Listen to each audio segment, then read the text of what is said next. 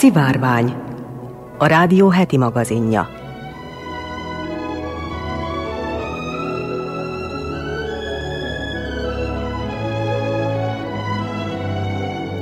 Köszöntöm a Szivárvány hallgatóit, Molnár Eleonóra vagyok, színes magazin műsorunk szerkesztője.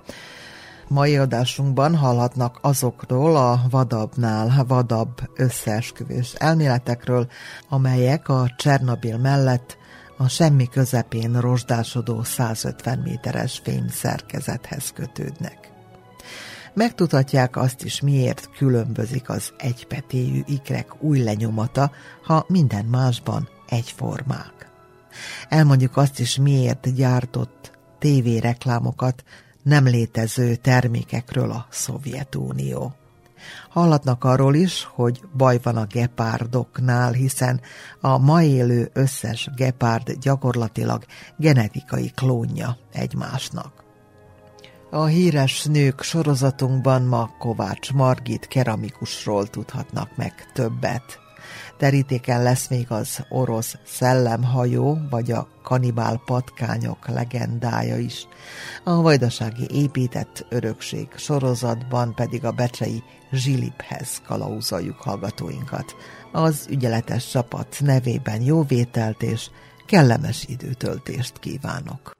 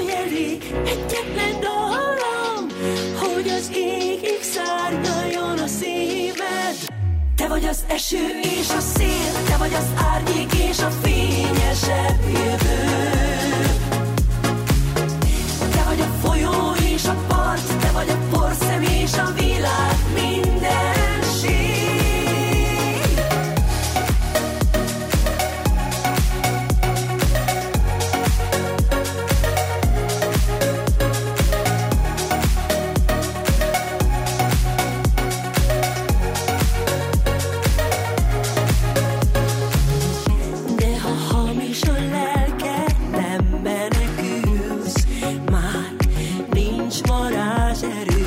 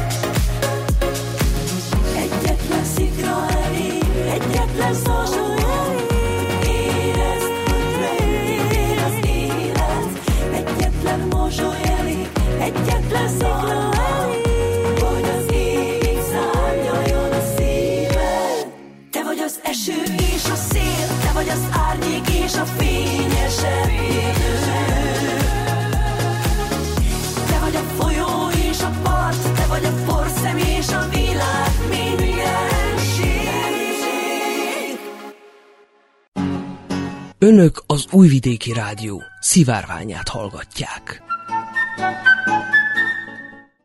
Csernobil neve, illetve az ott 1986. április 26-án történt katasztrófa története alig, ha nem mindenkinek ismerős, ha másonnan nem, legalább a kiváló sorozat filmekből.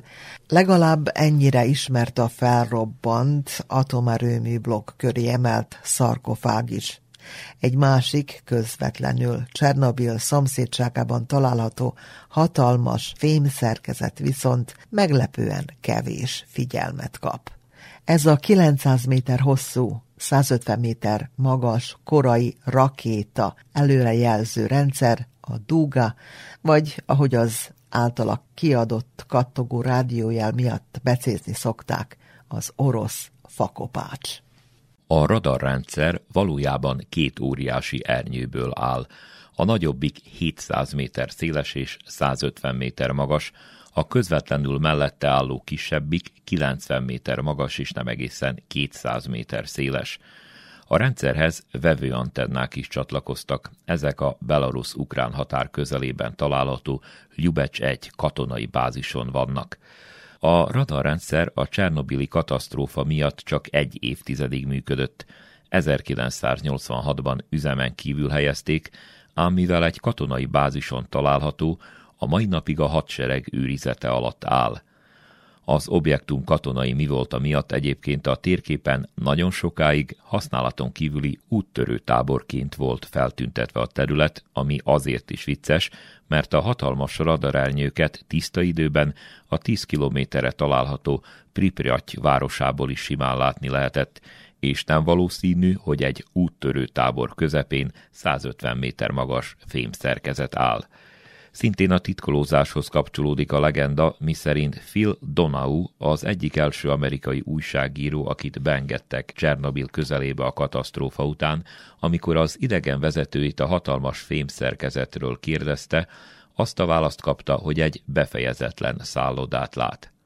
A dúga távolról nézve úgy néz ki, mint egy a semmiben kezdődő és a semmiben hamar véget is érő kerítés az erdő közepén. Közelebbről szemügyre véve viszont már látszik, hogy a radarernyőket antennák és turbinák százai alkotják. Sokáig persze senki sem vehette szemügyre közelebbről, de 2013-tól kezdve Csernobillal és Pripajattyal együtt látogathatóvá vált szervezett keretek között. Aki eljut ide, a katasztrófa után sietve elvégzett kitelepítés nyomait találja mindenütt ott felejtett járművek, acélhordók, törött elektronikai eszközök és fémhulladékok találhatóak a nagymagányban rozsdásodó radar mellett. Mindebből pedig rengeteg van, a radar működtetésére ugyanis egy kisebb várost építettek titokban, hogy legyen hol laknia a nagyjából ezer dolgozónak. A kísérleti Duga 1 és utána Csernobil és Homjal közelében 1976-ban szolgálatba álló Duga 2 szovjet horizontúli radar alapvető feladata az Egyesült Államok területén történő rakétaindítások felderítése volt. Ezt a feladatot a felső légkörben a jonoszféráról visszaverődő hullámokat figyelve látta el. A jonoszférán visszapattanó rádiójeleknek köszönhetően a Föld görbületét kihasználva a mai Ukrajna területéről simán meg tudtak figyelni az Egyesült Államok északi részén Kanada közeléből indított atomtöltettel felszerelt rakétákat, illetve tudtak volna, de szerencsére sohasem fajult ilyen rakétaindításig a hidegháború. Egy ilyen támadás esetén a rakéta indítása után két-három perccel észlelni tudták volna a támadást, hogy megfelelő válaszlépést indítsanak. Az akkoriban használt amerikai rakéták nagyjából 30 perc alatt érték volna el a Szovjetuniót. Erről a radarrendszer korábbi parancsnoka Vladimir Musiec beszélt a legtöbbet, például az orosz fakopáncsról készült 2015-ös The Russian Woodpecker című dokumentumfilmben. A filmben elég hosszan foglalkoznak egyébként azzal a meglehetősen vad összeesküvés elmélettel, miszerint az egész Csernobili katasztrófát azért rendezték meg, hogy azzal leplezzék a szupertitkos katonai radarrendszer tervezési hibáit, és ne emiatt, hanem az atomkatasztrófa miatt kelljen szolgálaton kívül helyezni. ebből persze semmi sem igaz. Nyugaton ehhez képest egészen más, de nem kevésbé vad elméletek születtek. Mivel csak a radartól származó fakopáns dobolásra emlékeztető rádiójelet tudták érzékelni, de azt még a csendes óceánnál is fogni lehetett, Amerikában azt találgatták, mi célja lehet a titokzatos jelnek. Ők arra jutottak, hogy talán valami titkos szovjet agykontroll kísérlettel lehet dolguk, ami természetesen a hidegháborús paranoia szüleménye volt. A Duga kettő helye és funkciója sokáig tényleg titkos volt akkor is, ha a világszerte fogható kopogó rádiójel elárulta a létezését. Ez a rádiójel pedig nem csak fogható volt, de komoly interferenciát is jelentett mind a Szovjetunióban, mind azon kívül. A már említett dokumentumfilmben a Duga parancsnok helyettese arról beszél, hogy az első beállításoknál még az SOS jelekbe is bezavart a rendszer, úgyhogy frekvenciát váltottak. Ekkor viszont a sarki fény jelentett gondot, a rádiójelek nem tudtak áthatolni ezen, vagyis a Duga nem tudta ellátni a feladatát, azaz Amerika megfigyelését. Más, szintén a projekten dolgozó korábbi szovjet tisztek szerint viszont nem volt egyértelműen kudarcva ítélve a rendszer, ami a tervek szerint 1986. szeptemberében állt volna teljes harci készültségbe, csak épp ekkor közbeszólt az atomkatasztrófa.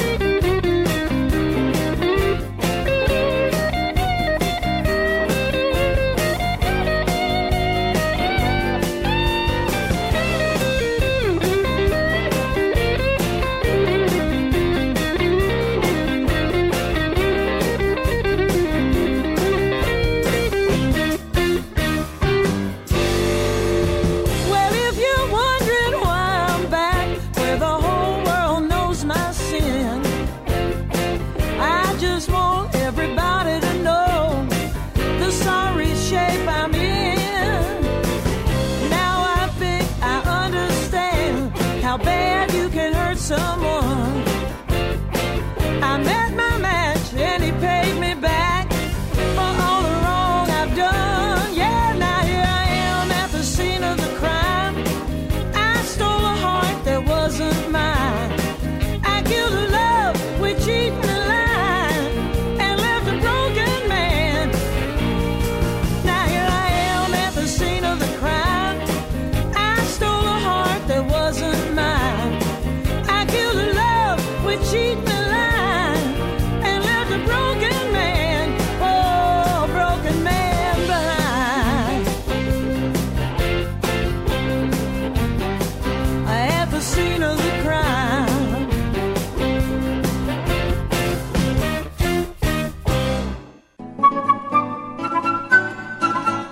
Ez a Szivárvány, heti színes magazinműsorunk.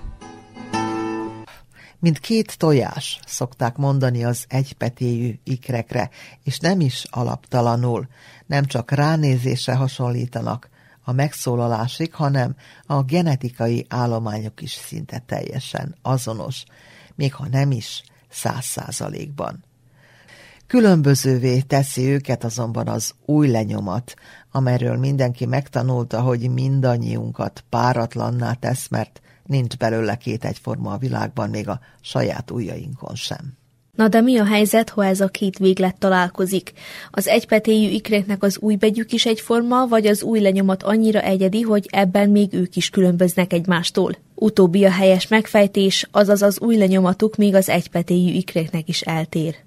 Na de miért, hogyha minden másban genetikailag azonosak? Azért, mert bár a DNS is fontos szerepet játszik az ujjaink végén futó barázdák mintázatának kialakításában, a végeredmény nem csak a géneken múlik. Az új lenyomatra ugyanis környezeti tényezők is hatással vannak mind a kialakulása során, mind a későbbiekben.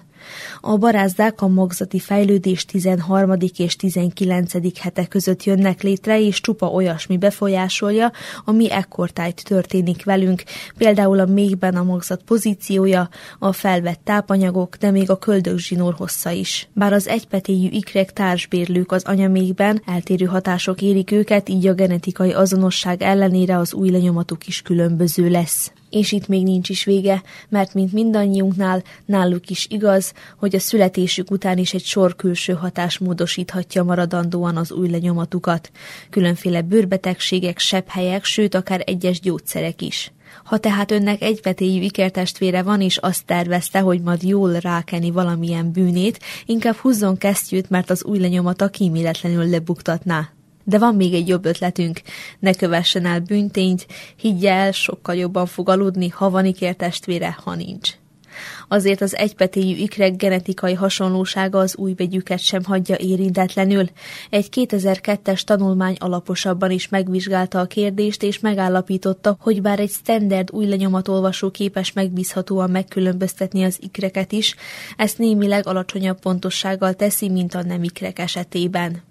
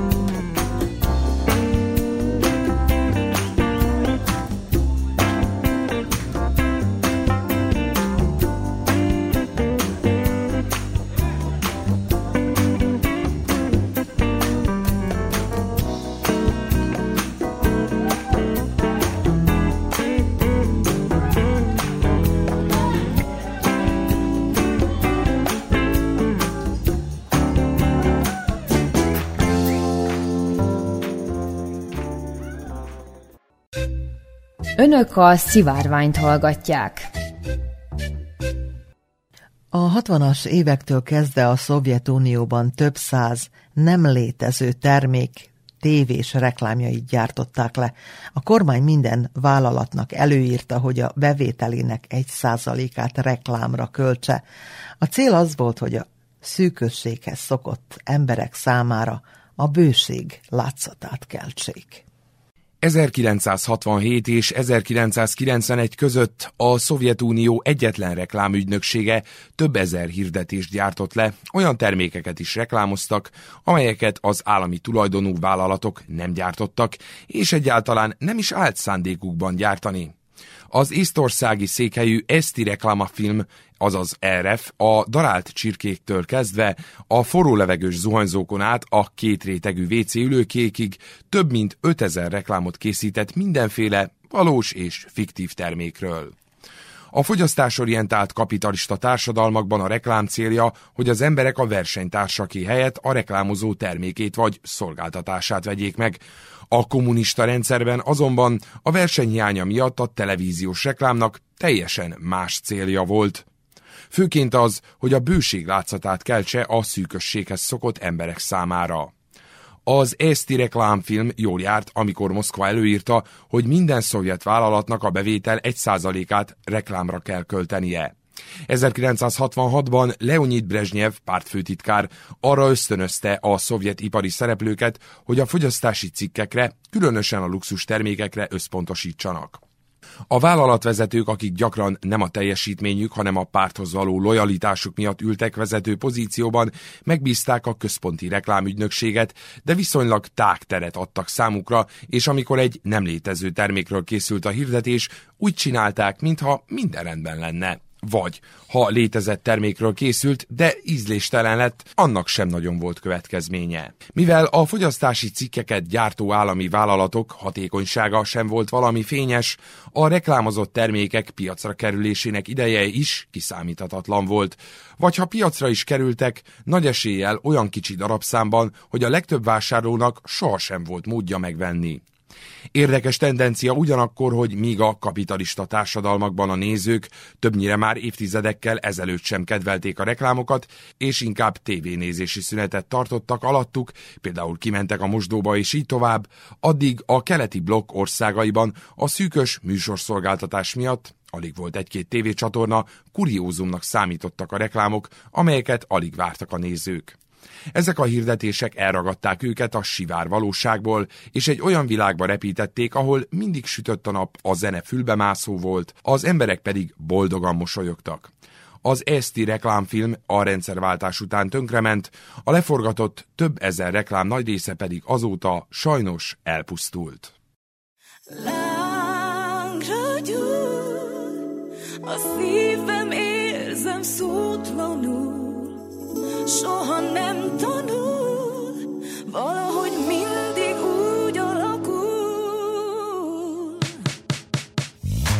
Újabb szakítást nézek bután, összesöpröm a szívem magam után, kidobhatod, összetörheted, a profilomat kikövetheted, de megyek, megyek, megyek előre, bár tudom, hogy mi lesz belőle. Teszek a szokásos körökre Leszek szingli, inkább örökre.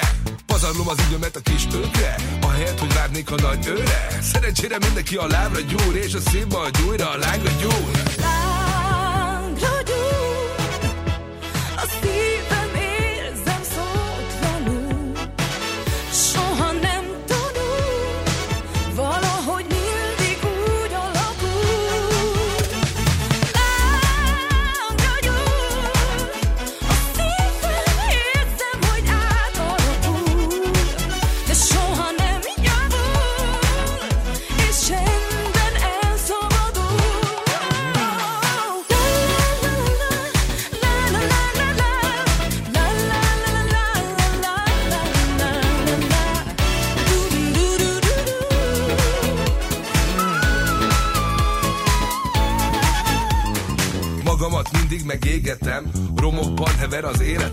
szerelem számomra a lételem. Egy újra táblát, ha kérhetem. Megyek, megyek, és veszek, veszek. Egy nagy levegőt, és elengedek. Mindent, ami fáj, mindent, ami bán Szépen. Lassan felveszem az irányt, az irányt Hogy boldog legyek, magamra ólét tegyek. Szerencsére mindenki a lábra gyúr És a szív majd újra a lágra gyúr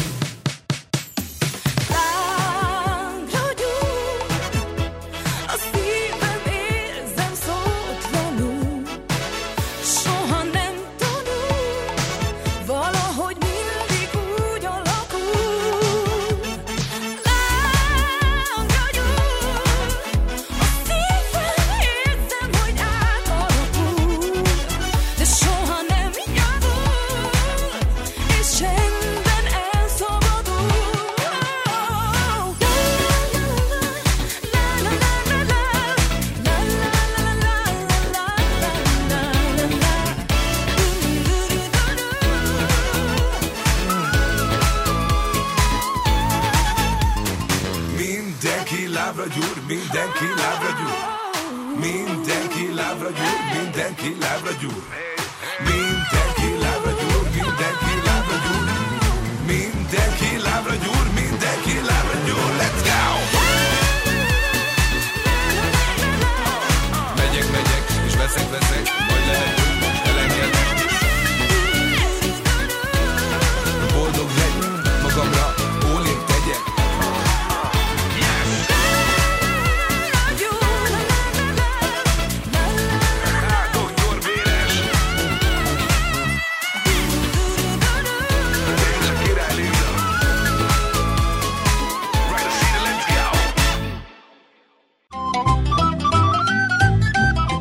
Önök az Újvidéki Rádió szivárványát hallgatják. A gepárdokról annyit szokás tudni, hogy a világ leggyorsabb szárazföldi állatai. 120 felett van a végsebességük, és három másodperc alatt gyorsulnak százra, rövid távon simán lealázva ezzel a versenyautókat is. A nagymacskák többségéhez hasonlóan veszélyeztetett faj, a vadon élő populációja ijesztő mértékben csökken, ma nagyjából 7000 példányra becsülik, míg a 19. században még 100 ezer körüli, az 1950-es években pedig 30 ezer lehetett a létszámuk. A fajt a sajnos szokásosnak mondható fenyegetések, az orvvadászata, a természetes élőhelyük zsugorodása és a klímaváltozás együttes erővel sodorják a kihalás felé. És van itt még egy nem igazán közismert faktor is, ami extrém módon sebezhetővé teszi az állatot, sőt egyes szakértők szerint egyenesen halálra ítéli. Az, hogy a gepárdok gyakorlatilag klónok. Hogy ez miért veszélyes? Minél nagyobb egy faj genetikai változatossága, annál jobb az alkalmazkodó képessége, ami pedig a hosszú távú túlélés legfontosabb záloga. A kisebb diverzitás sebezhetővé tesz a különféle betegségekkel szemben, és megsokszorozza a genetikai rendellenességek megjelenésének kockázatát. A gepárdok genetikai diverzitása nagyjából a laborokban használt kísérleti egerek szintjén van, amiket direkt azért tenyésztenek 20 generációnyi beltenyészetben, hogy egyformák legyenek, azaz jó vizsgálati alanyok. Egy kutatásban a genetikai sokszínűséggel összefüggésben levő enzimeket vizsgálták különböző helyekről származó gepárdokban. Ezek az enzimek más nagymacskafajoknál két véletlenszerű példány között 20-50 százalék eltérést szoktak mutatni. A gepárdoknál az 55 tesztalany enzimei között nem találtak egyáltalán semmilyen különbséget. Mindez olyan aggasztó következménnyel jár, mint hogy a vizsgálatok szerint a gepárdok hímivar sejtjeinek 70%-a életképtelen, illetve hogy a vadon született gepárdkölykök közel háromnegyede fél éves kora előtt elpusztul. De miért alakulhatott ki ez a genetikai sivatag a gepárdoknál? A faj kétszer került a kihalás szélére, és itt a mainál sokkal, sokkal súlyosabb helyzetről beszélünk. Az első ilyen nagyjából százezer évvel ezelőtt történt, erről nem is ismert túl sok részletet a tudomány. A másodikról már annál inkább, ez 10-12 ezer éve volt, a legutóbbi korszak végén, amikor kipusztultak például a gyapjas mamutok és a kartfogó tigrisek is, és majdnem így járt a gepárd is. A Kutatások azt mutatják, hogy a bolygó teljes populációja a mélyponton mindössze 7 darab szaporodásra képes egyed volt. Pontosabban a populációnak az a része, aminek máig fennmaradt a genetikai öröksége, vagyis az összes ma élő gepárt közös ősapjai és ősanyjai. Ebből a helyzetből természetesen csak nagyon súlyos beltenyészet, testvérek, illetve szülők és kölykei közti párosodás árán volt képes a faj szaporodni és újra benépesíteni az élőhelyét. Ennek egyenes következménye a máig tartó genetikai egyhangúság.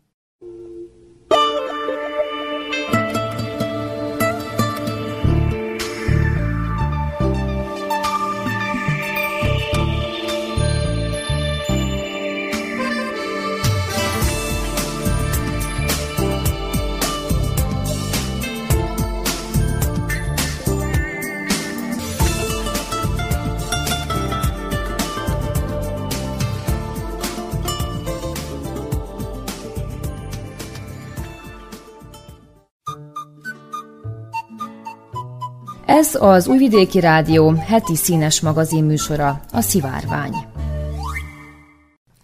Kovács Margit keramikus jellegzetes stílusa évtizedek óta népszerű, kedves, mosolygós figuráit könnyű felismerni. Ő az első női művész Magyarországon, akinek alkotásai saját múzeumot kaptak.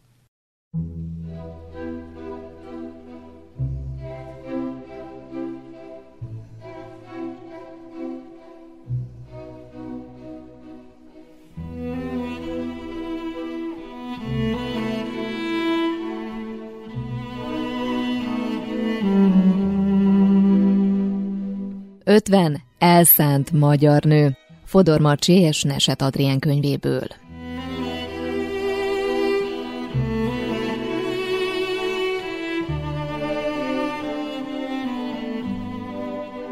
Kovács Margit született 1902-ben, elhunyt 1977-ben. Margit szégyenlős, csendes kislány volt, aki a legjobban rajzolni szeretett. Egyik nap az utcájukban élő kájhásmester a kezébe nyomott egy darab anyagot, hogy gyúrja csak nyugodtan, hát ha tud belőle valamit készíteni. Margit ettől kezdve sorra gyúrta, gyártotta a kis formákat, és az agyag sokarcúsága egy életre rabul ejtette. Ám hiába látszott a kis Margiton, hogy tehetséges, szó sem lehetett arról, hogy művésziskolába járjon. Édesanyja korán megözvegyült, szükség volt a fiatal lány keresetére is. Margitból banktisztviselő lett, de hamar kiderült, hogy ez nem neki való szakma. Rosszul érezte magát a munkahelyén, taszította a számok rideg világa. Édesanyja megsajnálta és segítséget kért férje testvérétől. A nagybácsi kifizette Margit tandíját, így felküldték Pestre, rajziskolába. A tehetséges lány két évvel később Bécsben folytatta tanulmányait, ahol azt tanácsolták neki, festő helyett inkább tanuljon keramikusnak. Ő pedig boldogan fogadta el az útmutatást.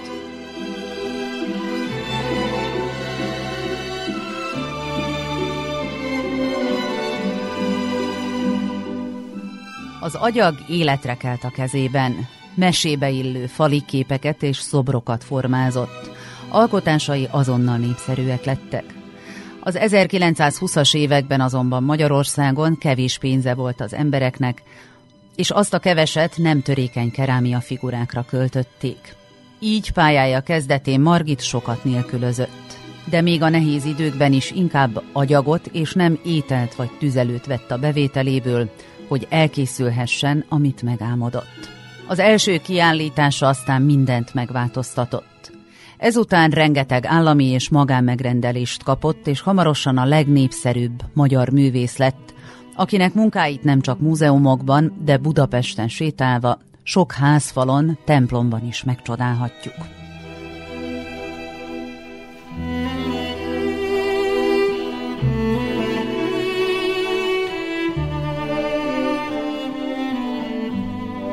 A 20. század elején a művészek felfedeztek egy korábban lenézett területet, a népművészetet. Elkezdték tanulmányozni az egyszerű, tanulatlan emberek hímzéseit, faragványait, edényeit. Kovács Margit művei látszólag gyermekien egyszerűek, de nagyon sok tanulás és komoly technikai tudás kellett ahhoz, hogy ilyen letisztult formájú alakokat készíthessen. Bejárta egész Európát, és nem csak Bécsben, de Münchenben, Kopenhágában és Párizsban is hosszabb ideig tanult, hogy megismerhesse a helyi keramikusok mesterfogásait. ''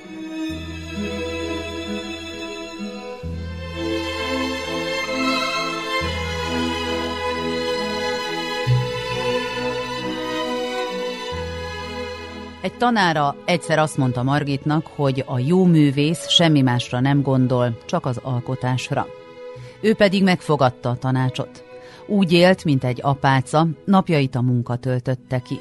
Élete végéig özvegy édesanyjával élt együtt, akit viccesen csak a kisinasának nevezett.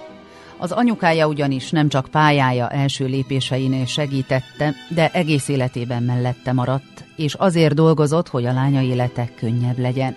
Nem meglepő hát, hogy Kovács Margit rengetegszer formázott édesanyákat. Számára ez a kapcsolat volt a legfontosabb.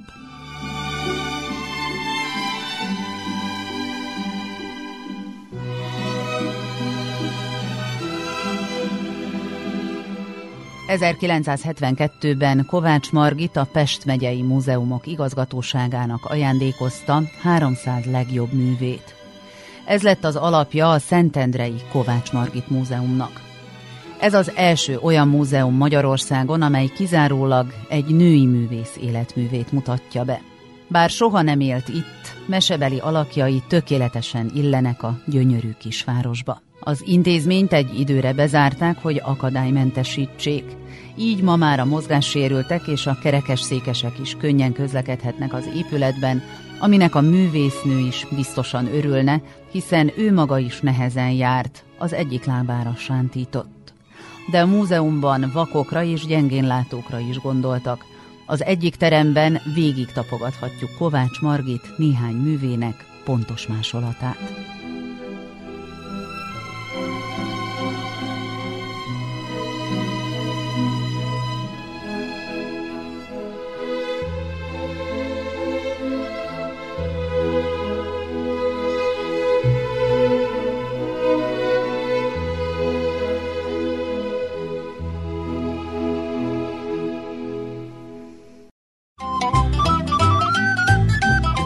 Önök az Újvidéki Rádió szivárványát hallgatják. A sorsára hagyott legénység nélkül a természet kényekedve szerint sodródó kísértett hajók azóta izgatják az emberiség fantáziáját, hogy a hajózást feltalálták. Legyen az tengerész legenda, mint mondjuk a bolygó hollandi, vagy valós sztori, mint a Meris Celeste, az ilyen történetek mindig egyszerre tragikusak, rejtélyesek és ijesztőek. Azt gondolná az ember, hogy a 21. században a műholdas navigáció, a radár rendszerek meg a modern technológia kismillió egyéb vívmányainak korában már nincsenek ilyen sztorik, legfeljebb egy-egy repülőgép tűnik el, és az is hónapokig lázban tartja a félvilágot az ember ennél nagyobbat nem is tévedhetne. A Jubov Orlova a jugoszláv hajóépítő ipar egyik büszkesége volt, 1976-ban épült szovjet megrendelésre, és több mint 30 éven át járta a világtengereket, azoknak is a legzordabb vidékeit, a sarkörök környékén.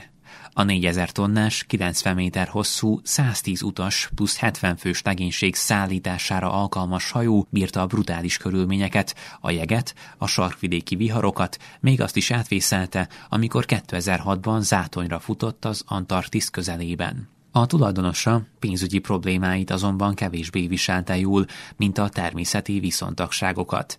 2010. augusztusában ugyanis a legénysége egyszerűen otthagyta egy kanadai kikötőben, amikor már öt hónapja nem kapták meg a fizetésüket. Ezzel párhuzamosan egy utazás szervező negyedmillió dollárt követelt a hajó tulajától egy elmaradt út miatt, amit az orosz máltai Jubov Orlova Shipping Company Limited nem óhajtott kifizetni. A hatóságok lefoglalták a hajót, majd elárverezték, így került a Neptun nevű, egyébként teherhajózással foglalkozó görög céghez, ahol viszont úgy látták, túl sokba kerülne újra felújítani, és egyébként is nagyon elavult már, akkor járnak a legjobban, ha pontóba kerül. Elvégre 4000 tonna úcskavas még mindig elég szép summát ér, pláne ha alkatrésznek sikerül megmenteni belőle ezt-azt. A hajó két évig rothat St. John kikötőjében, még nyílbe ütötték a bizniszt, és az új tulaj megszervezte a bontást pár ezer kilométerrel odébb Dominikán. És itt fordult egészen súlyosra a hajó Pech sorozata 2013. januárjában. Két napja tartott a hajó a Karib-tenger és a végzete felé, amikor a vontatókötél elszakadt, és a vontatóhajónak a 140 kilométeres széllökések és a 7 méteres hullámok között nem sikerült újra elkapni a lassan elsodródó Jubov orlovát. Ez okozott némi pánikot a környéken, hiszen nem csak a hajóforgalomra jelentett veszélyt, de a környék tengeri olajfúró tornyaira is. Az illetékes kanadai minisztérium riadóztatta is a parti őrséget, és speciális mentővondató hajókat küldtek ki a helyzet megoldására. 12 nappal később az Atlantic Hawk nevű hajó jelentette, hogy megtalálták a Jubov ordomát, nemzetközi vizeken van, körülbelül 460 kilométerre a partoktól, és a nyílt óceán felé sodródik. Itt aztán fura helyzet áll elő. A Neptun úgy látta, hogy innentől neki már nem éri meg a hajót visszavontatni Dominikára, ők elveszítették, nem kell nekik, vigye a szerencsés megtaláló. A vontatóhajós cég most a kezeit, nem az övék a roncs, vigye, aki akarja. A kanadai hatóságoknak meg úgy hiányzott egy roncshajó, mint púpa hátukra, hát azt mondták, bocs, nem a mi vizeinken van, nem is felénk viszi az áramlat, így sorsára hagyták a hajót. A szellemhajó pedig sodródott tovább, kelet felé át az Atlanti óceánon, és senkinek nem volt fogalma, hogy a norvég fjordoknál, Nyugat-Afrikánál vagy valahol a kettő között fogja elérni a túlsó partot. Három héttel később egy amerikai katonai műhold már az óceán túlsó oldalán Írország és Izland felé sodródva, de még biztonságos bő 2000 kilométeres távolságban mérte be a Jubov orlovát, újabb egy hét múlva pedig már csak 1300 kilométerre volt, és nyílegyenesen Írország felé haladt. Ez volt az utolsó pontos pozíció, amin sikerült bemérni a szellemhajót, később kétszer vették még az automatikus segélykérő rádiódását, de soha többé nem látta senki, a szakértők arra tippelnek, hogy elsüllyedt, még aránylag messze az európai partoktól, ahol 4-5 ezer méter mély az óceán. Itt akár vége is lehetne a történetnek, de az igazán bizarr fordulatok csak most jönnek. Majdnem egy évvel később, 2014. januárjában ugyanis a Sun, brit pulvárlap bombasztikus sztoriként tálalta, hogy a hajó még mindig kínhánykolódhat a nyílt óceánon, akár Anglia felé is tarthat.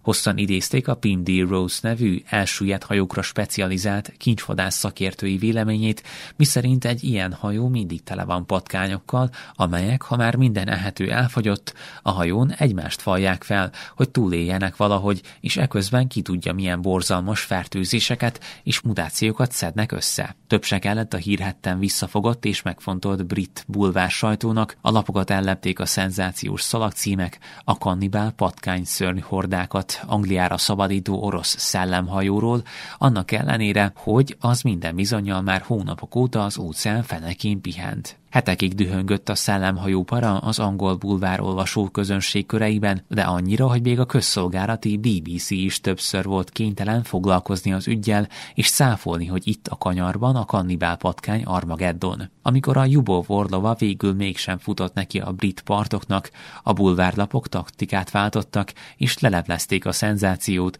hogy a szellemhajó valójában Kaliforniánál feneklett meg a mexikói határ közelében. Hogy hogyan került a csendes óceánra az Atlantiról, arra nem tértek ki. A Jubov Orlováról máig nem tudjuk, hol lehet, viszont egy újabb bizarr fordulattal még a popzenei történelemnek is a része lett.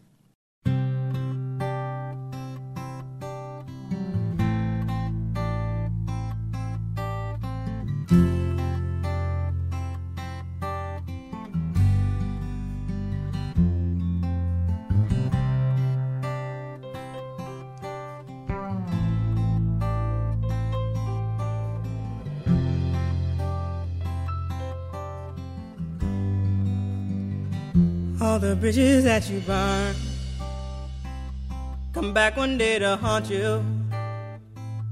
One day you find you walking long line.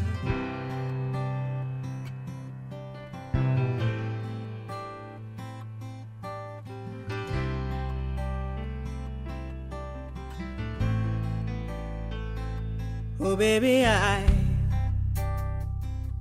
never meant to hurt you. Stands the best intentions. Still, you don't make things right.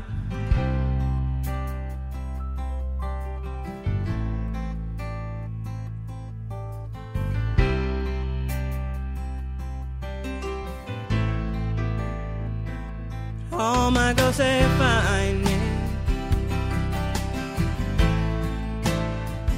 my past, they think they own me. Dreams and dark corners, they surround me. I cry, I cry. Let me take this time to set the record straight. Let me take this time to take it all back. Let me take this time to tell you how I felt. Let me take this time to try and make it right.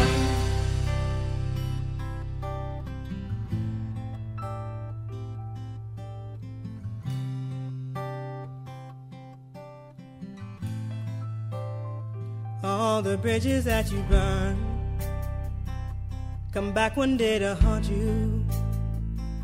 One day you'll find you walking. Oh, oh, oh, oh, oh, oh,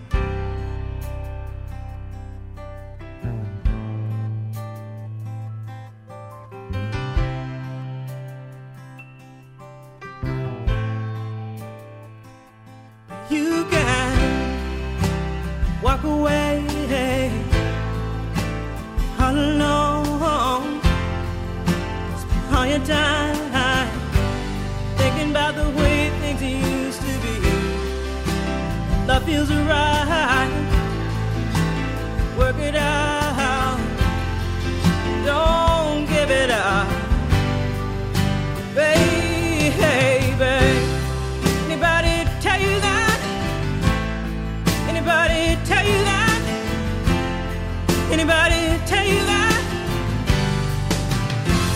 You should take some time, maybe sleep on here tonight. You should take some time, maybe hear the words I say. You should take some time, think about your life. You should take some time before you throw it all away.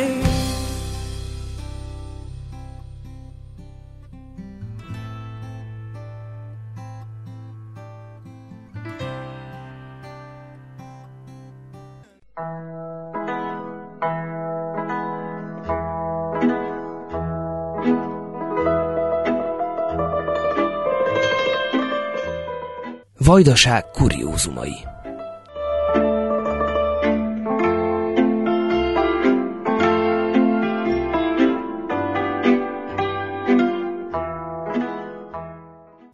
A vajdasági épített örökséget ismertető sorozatunkban az óbecsei Zsiliphez kalauzoljuk hallgatóinkat. A 122 éves Zsilipen 1975-ben haladt át az utolsó hajó.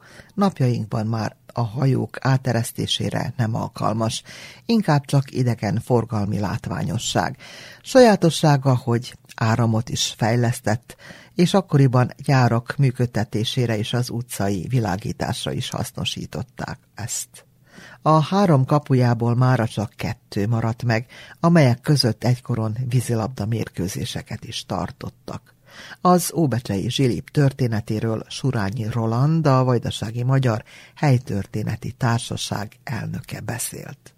Óbecse történelme alig 300 évet ölel fel, viszont területén az őskortól kezdve számos kultúra és nép élt rövidebb-hosszabb ideig, és hála az elmúlt időszakban történt kutatásoknak erre egyre többet tudhatunk meg erről. Bár nem öreg városról beszélünk, fejlődése során az elmúlt néhány száz évben mégis érdekes és izgalmas utat járt be, és ennek egyik mozzanata, amely gazdasági téren jelentősen felemelte Becsét, a nagykanális torkolatának Óbecsére hozása, illetve a Matőr István hajó áteresztő zsiplép megépítése volt. Ahhoz, hogy ennek megértsük a jelentőségét, néhány dolgot azért tisztázni kellene. A vasúthálózat szétterjedés előtt a szállítmányozás legjobb módja igazából a vízi szállítás volt. Magyarországon ez számos kisebb-nagyobb folyó segítette elő, mint például a Tisza, a Duna, Maros és stb. és még egy csomó másik folyó.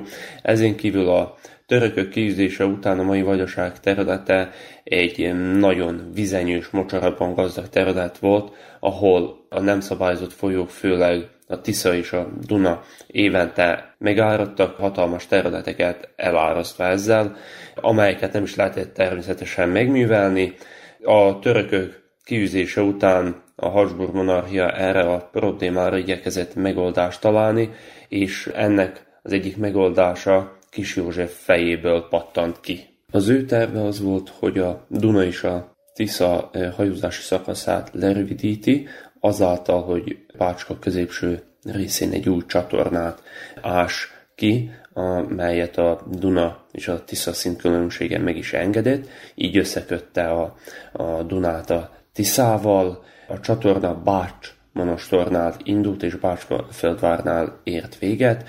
Erre a Duna egy feltételezett ősmedrét szerették volna kiszélesíteni, illetve a Csernabara egy részének a medrét használták volna.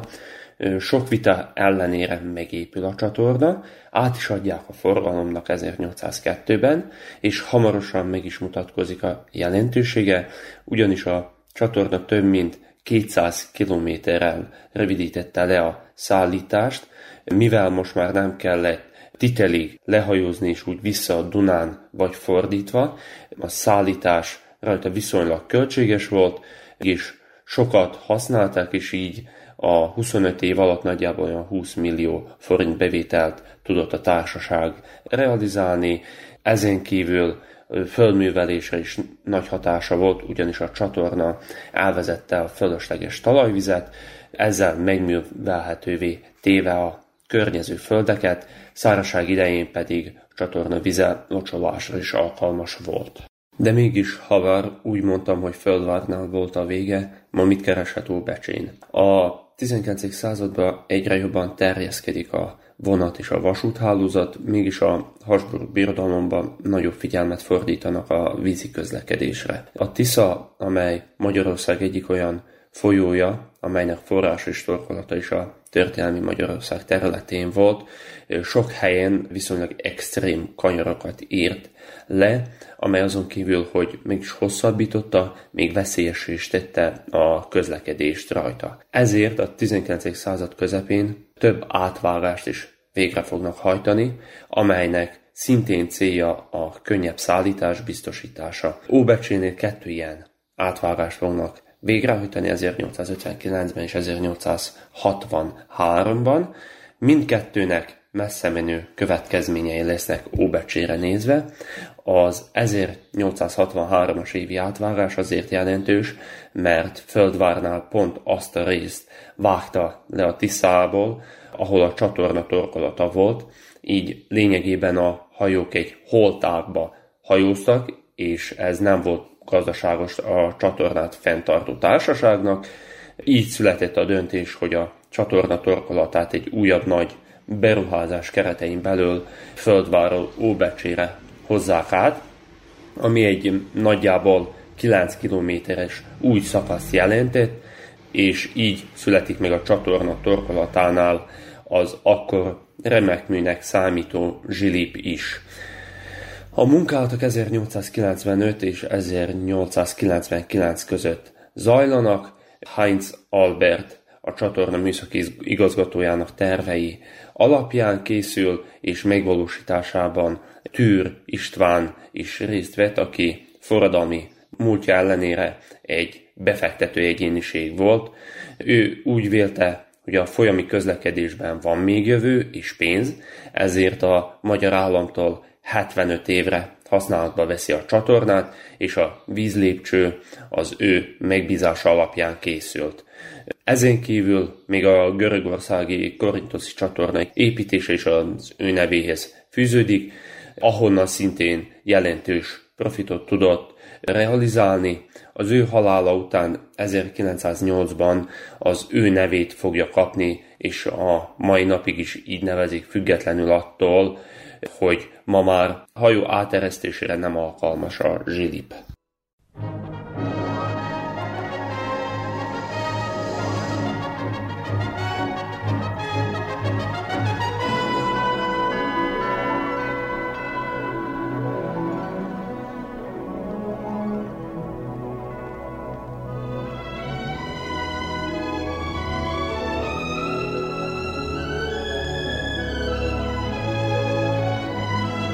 A szivárványt hallották. Heti színes magazin műsorunkkal egy hét múlva jelentkezünk ismét. Az ügyeletes csapat nevében Molnár Eleonóra köszöni figyelmüket. Kellemes hétvégét kívánok!